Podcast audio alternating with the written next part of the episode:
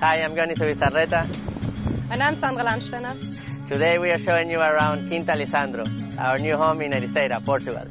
This is an ocean view dorm, perfect for getting to know new people when traveling alone or in groups. There is also the suite, which is an incredible room over two floors with an amazing ocean view.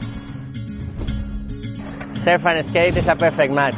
So here's our new ball where you can drop in after a long surf session. And right next to the ball, we have the gym area where you can get a workout done in between the sessions.